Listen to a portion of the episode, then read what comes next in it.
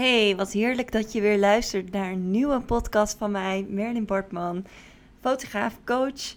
Uh, laat het succes maar komen. Ik heb er zin in. Dit is ongeveer de elfde podcast die ik opneem. En ik moet zeggen, ik begin er steeds meer plezier in te krijgen. Ik ben ook super blij dat ik uiteindelijk ben gestart. Ik ben nog blijer dat ik ben gestart voordat ik er echt klaar voor was. En ik moet zeggen dat het heeft sowieso even te lang geduurd. Maar uiteindelijk ben ik toch gaan praten en gaan opnemen. En krijg ik nu steeds meer ontzettend leuke, geweldige reacties. Waarvan ik denk: oké, ik wil nog meer delen. Ik wil nog meer mensen helpen. Ik ga hiermee door. Ik ben zo blij dat ik destijds ben gestart zonder dat ik perfect geluid had, zonder dat ik het allemaal wist. En de eerste podcasts zijn qua geluid waarschijnlijk ook niet om aan te horen, letterlijk. En ik uh, kreeg laatst ook een berichtje van iemand van. Uh, nou ja, aan het begin van mijn podcast kreeg ik een berichtje, maar die zag ik laatst weer. En dat was iemand die veel verstand had van podcast. En die zei toen tegen mij: Zal ik even luisteren naar het geluid en kijken waar de verbetering in zit? En toen dacht ik eigenlijk op dat moment: Nee, ik wil helemaal niet dat je gaat luisteren en kritiek op me gaat leveren. Op dit moment voel ik me nog helemaal niet zeker van mijn zaak en wil ik eigenlijk alleen maar horen van mensen dat het helemaal geweldig is. Dus ik sluit even alle negatieve uh, commentaren, sluit ik even uit op mijn podcast. Nou ja, goed, dat is even een tipje tussendoor of aan het begin. Vandaag wil ik het met je gaan hebben over zelfliefde. En als ik dit zeg, dan voel ik me ook weer helemaal we weemoedig. Een soort bomenknuffelaar als ik dit zeg. En ik moet om mezelf lachen. Maar ik vind het toch belangrijk om dit ook bij jou neer te leggen. En om jou soort van de vertaling te geven van nuchtere Hollander naar waarom jij ook, naar mijn mening, iets meer moet gaan doen aan jouw eigen zelfliefde. Ik hoop dat je me nog volgt en ik hoop dat je me niet een ontzettende zweefteef vindt. Of nou ja, dat mag je natuurlijk vinden, maar ik hoop dat er een opening bij je zit. Dat je denkt, hé, hey, ik ga toch even luisteren wat deze chick hier verder over te zeggen heeft. En ik wil met je beginnen met een gesprekje wat ik gisteren voerde met Tom, mijn zoontje. We zaten in de auto en vaak ontstaan er dan bij ons hartstikke leuke, bijzondere gesprekjes. En Tom is op dit moment redelijk veel, hij is acht jaar, nou ja, wordt morgen acht jaar als ik dit opneem. Ehm, en hij is redelijk veel bezig met het uh, fenomeen doodgaan. Wat natuurlijk best wel uh, ja, een heftig fenomeen is. En uh, hoe ga je daar als ouder mee om? Nou ja, we vinden het heel erg boeiend. En ik en mijn man praten natuurlijk heel veel van... oké, hoe gaan we, hoe gaan we erover communiceren? En je zegt dus blijkbaar ook wel eens de verkeerde dingen. Want eergisteren zei mijn man tegen mij: Ja, Tom, die was opeens ontzettend aan het huilen. Omdat hij ehm, niet kon stoppen met denken aan dat hij doodgaat. En blijkbaar heb jij dus een keer gezegd: Iedereen gaat dood. Nou ja, dat zou ik best wel eens gezegd kunnen hebben, want dat is natuurlijk de waarheid. Maar goed, dat jochie, dat weet natuurlijk helemaal nog niet heel erg veel van het principe van het leven af. En wij komen er steeds meer achter van, oh ja, zij weten natuurlijk nog niet alles en hoe dat werkt. En dit is gewoon een super ontdekkingstocht voor zo'n kind.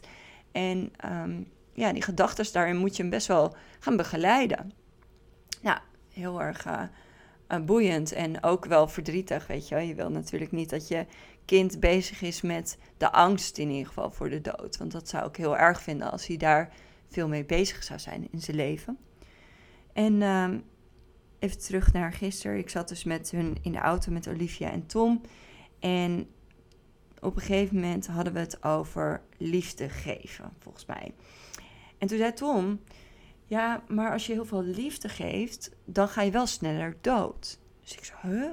hoe, bedoel je? Hoe kom je hierbij?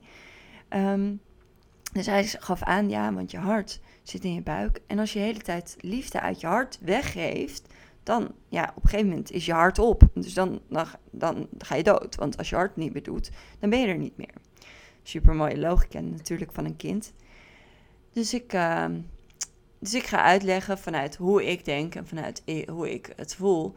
En toen had ik het dus over dat liefde eigenlijk niet zozeer iets is wat aan te raken is.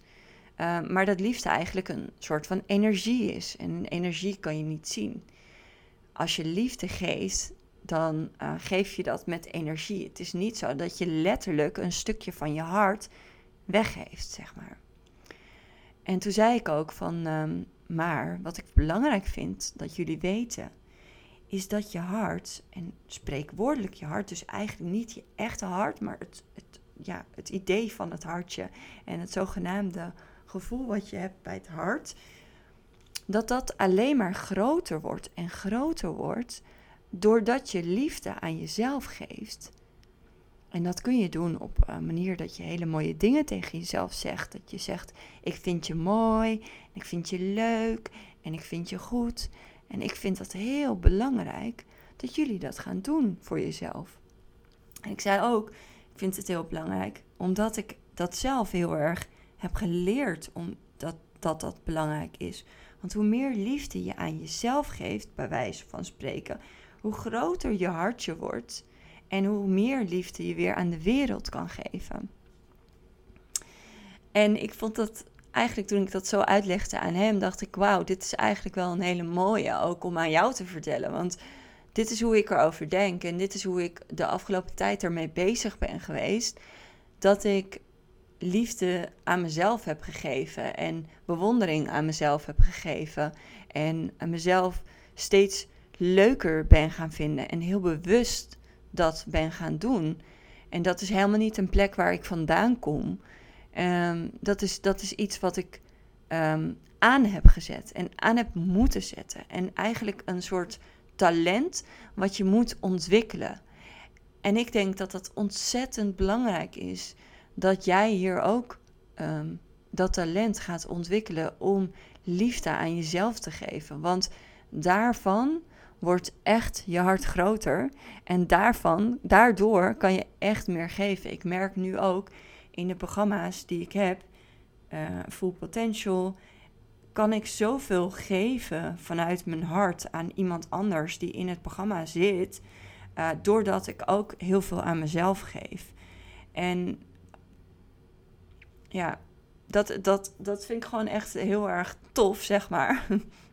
En ik weet dat het voor sommigen one bridge too far is. Maar ik hoop dat je dan wel een klein beetje mee blijft luisteren. Want het kan echt heel veel voor jou gaan betekenen. Want weet je wat, het, wat het meestal is? Is dat mensen, oh, als, als je liefde aan jezelf geeft. Als je zegt van ik ben mooi. Of als je zegt ik ben mm, goed of geweldig of uh, bijzonder. Um, wat er dan gebeurt is dat je eigenlijk een soort tweede stemmetje in je hoofd hoort oppoppen van hé, hey, maar wie ben jij wel niet dat je dat over jezelf denkt? We hebben vaak het idee dat we dat soort dingen helemaal niet mogen denken over onszelf.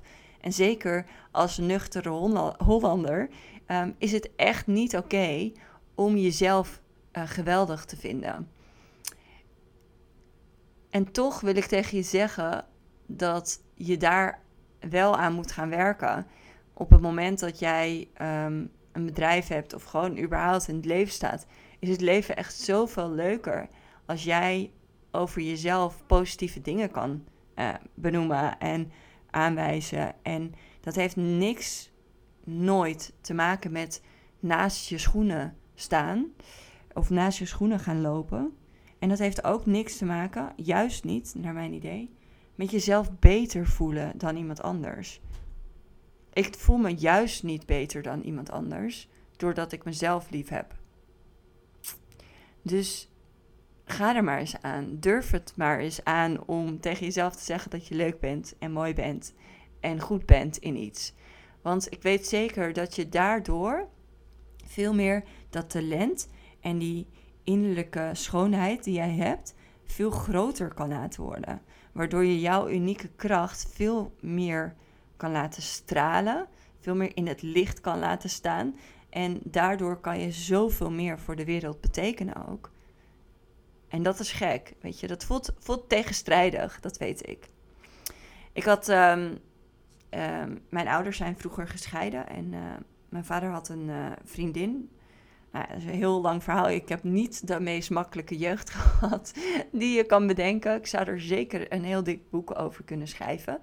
Um, maar mijn stiefmoeder, eh, dat was iemand die zich altijd ten dienste stelde van anderen. Dat was altijd iemand die zei: Ik hou niet van mezelf, want dat is egoïstisch. Ik hou alleen van anderen. Zij strijkte tot 11 uur s avonds al die was. Want we hadden, dus we waren met vier kinderen, mijn vader en zij. Dus we waren met z'n zessen dan thuis. En zij was continu bezig met de huisvrouw uit te hangen. Ze moest om ze stond om zes uur op de boterhammen te smeren. Ze werkte bij de veiling. Ze had echt aftanse kleding aan, zorgde niet voor zichzelf. En was continu maar in een soort van slachtofferrol van ik ben het niet waard en ik doe alles voor jullie.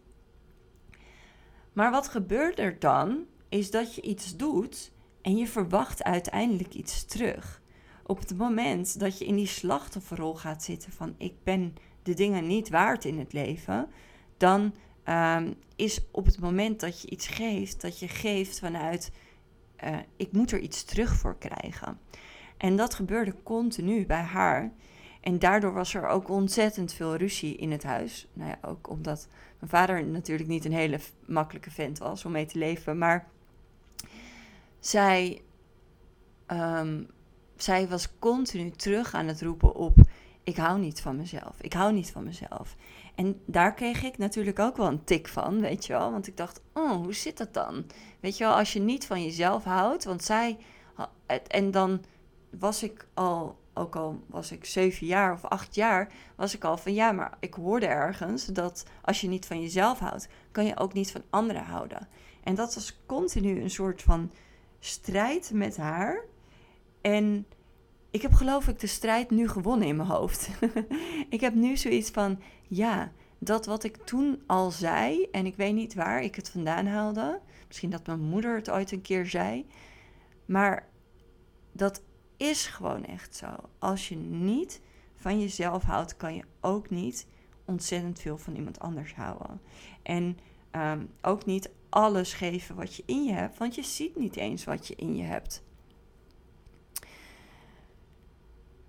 En dus toen ik nu aan het ondernemen was en dat het ontzettend goed gaat met mijn onderneming en dat ik steeds meer en meer aan het groeien ben als ondernemer, besloot ik dus vorig jaar heel erg duidelijk voor mezelf. Op dit moment ga ik ontzettend veel tijd en energie steken in zelfliefde. en dat ging ik doen door allerlei podcasts te luisteren, alles op te zoeken. Je hebt een app die heet Inside Timer. is gewoon een gratis app. Die heeft allemaal fantastische mensen die meditaties maken en die ze daarop zetten, die je gewoon gratis kan beluisteren. En daarop ging ik gewoon op zoeken van zelfliefde, uh, love yourself, weet ik veel wat. en toen ging ik mezelf vanaf dat moment ontzettend veel uh, zelfliefde geven en daaraan werken. En ik merk echt dat dat me zo ontzettend veel geeft. En zeker nu ik er ben voor heel veel andere ondernemers, nu er 37 mensen zitten in de groep, voel ik gewoon dat ik ook al is het niet eens met dat ik met wat ik zeg of met wat ik doe, maar voel ik gewoon dat ik mijn energie qua liefde in die mensen kan stoppen. En ontzettend veel. En ehm, dat ik denk, ik kan jullie alles geven. En natuurlijk ehm, wordt het lastig als je honderden mensen aan het helpen bent, maar ik kan zoveel geven doordat ik zoveel in mezelf heb gestopt. En ehm, nog een ander ding wat ik je wil meegeven is dat je weet dat ik, als je meer podcasts van mij hebt geluisterd en als je dat niet hebt gedaan, is het misschien lekker voor je uh, eigen energie. Ik kreeg gisteren een berichtje van iemand die zei: Ja, ik hoor nu steeds vaker van allerlei hoeken dat mensen uh, blij zijn met je podcast, omdat het zo'n goede energie geeft. Dus ja, vet mooi compliment natuurlijk. Maar schrijf briefjes, plak ze op en begin misschien met de tekst erop te zetten: I am enough. Um, en plak het op post-it. Plak het door je hele huis. Plak het op je spiegel in de badkamer. Plak het op je koelkast. Zet het als screensaver in je telefoon. Want dit, de stap van waar je nu bent naar I am enough, is al zo'n mooie stap om jezelf daarmee te primen. Je hoort mij heel vaak zeggen: prime je mind. Want ik geloof er heel erg in dat op het moment je kan je eigen mind herprimen. Dus je kan jezelf opnieuw herprogrammeren. Alle dingen die jij altijd al tegen jezelf zei, die kan je gaan veranderen door daarvoor in de plaats nieuwe dingen te programmeren. En als je begint met I am enough, dan maak je al een hele mooie start om jezelf en wat je doet en wat je kunt ehm, mooi te gaan vinden en daarvoor de waarde van in te zien. En dan kan je daarna doorgaan met I am great of I am freaking fantastic. Yes, dus zelfliefde it is. En we zouden er een andere term voor moeten verzinnen om het iets minder zweverig te maken. I know. Maar toch, ga er maar aan. Ga het maar doen. Je hebt permission van mij om dit nu te starten. En hierin een soort ontdekkingstochtje te maken in wat je allemaal vindt en wat je allemaal denkt over jezelf. En dat alleen maar te gaan aankijken en te veranderen naar een hele mooie, liefdevolle gedachte. En ik weet zeker dat je daardoor nog meer kunt gaan geven. Let me know wat je van deze podcast vindt. Ik vind het super leuk om een DM te ontvangen of een uh, ja, berichtje. En uh, ja, ik waardeer het echt enorm als je die tijd voor me neemt. Dus um, ik wens je verder een topdag toe. Go love yourself.